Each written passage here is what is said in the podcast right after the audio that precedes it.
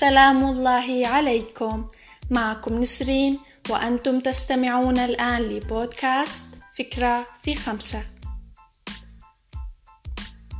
في حلقتنا لليوم اخترنا للمرة الثانية كتاب قوة العادات للكاتب تشارلز دويش.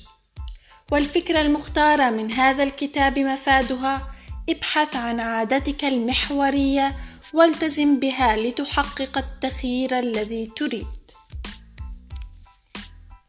بداية قد تتساءلون ماذا نقصد بالعادات المحورية.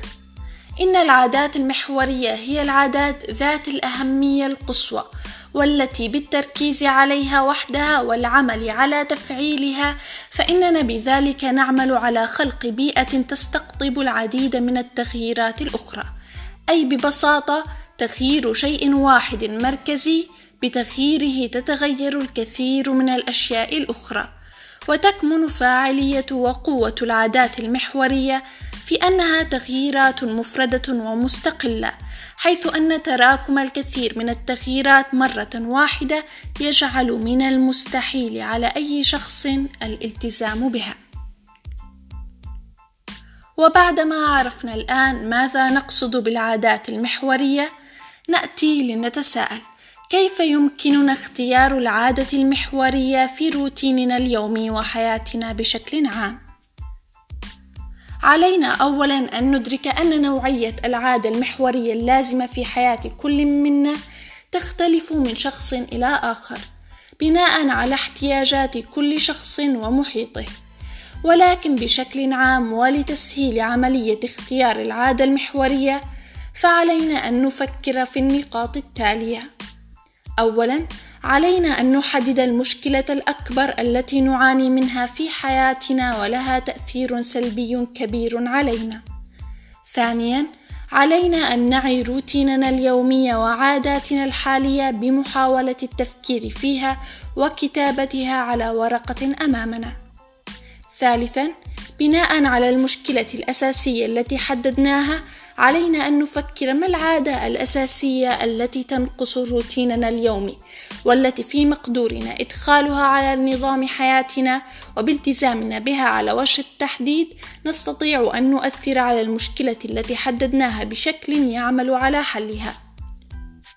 وأن نضيف إلى ما سبق مكافأة نهديها إلى أنفسنا في حال التزامنا بالعادة المحورية وعقوبة رادعة إلى حد ما في حال عدم التزامنا. ومن ثم عقد العزم والمباشرة بهذه العادة المحورية.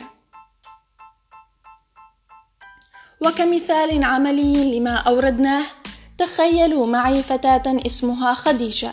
خديجة تعاني من مشكلة أساسية في حياتها وهي أنها لا تجد الوقت الكافي لإنجاز كل ما تريد إنجازه في يومها. وحينما نظرنا إلى نظامها اليومي وجدنا أنها تنام عند الساعة الثالثة صباحا وتستيقظ عند الساعة الثانية عشر ظهرا. فقررت خديجة أن تلتزم بعادة محورية واحدة فقط في روتينها اليومي وهي الاستيقاظ عند الساعة الخامسة صباحا كل يوم بغض النظر عن الساعة التي تخلد فيها إلى النوم. وحددت لنفسها مكافأة وهي أن تمنح نفسها ساعة من يومها تفعل فيها ما تشاء بعيدا عن مهامها الأساسية. مع عدم الشعور بالذنب نتيجة قضاء هذه الساعة اليومية بعيدا عن ما يجب أن تفعله. واتفقت في المقابل مع شقيقتها في أنها إذا لم تلتزم بالاستيقاظ عند الخامسة صباحا فستقوم هي أي خديجة بالقيام بأعمال البيت الموكلة لأختها بدلا عنها. وبالنجاح المفترض لهذه العادة المحورية وهذا النظام فإن خديجة لن تشتكي بعد اليوم من عدم توفر الوقت اللازم لتنجز كل ما تريد. وليس هذا فقط ولكنها أيضا ستجد أن وقت نومها قد تغير وباتت تنام باكرا لتأثير الاستيقاظ المبكر عليها.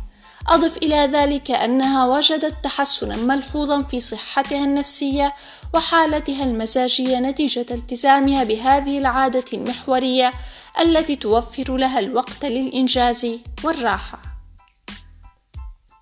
إذا خلاصة حلقتنا من بودكاست فكرة في خمسة ابحث عن العادة المحورية في حياتك والتي وبتفعيلها ستحقق لك التغيير الذي تريده أستودعكم الله الآن وإلى لقاء يتجدد في حلقة جديدة من بودكاست فكرة في خمسة.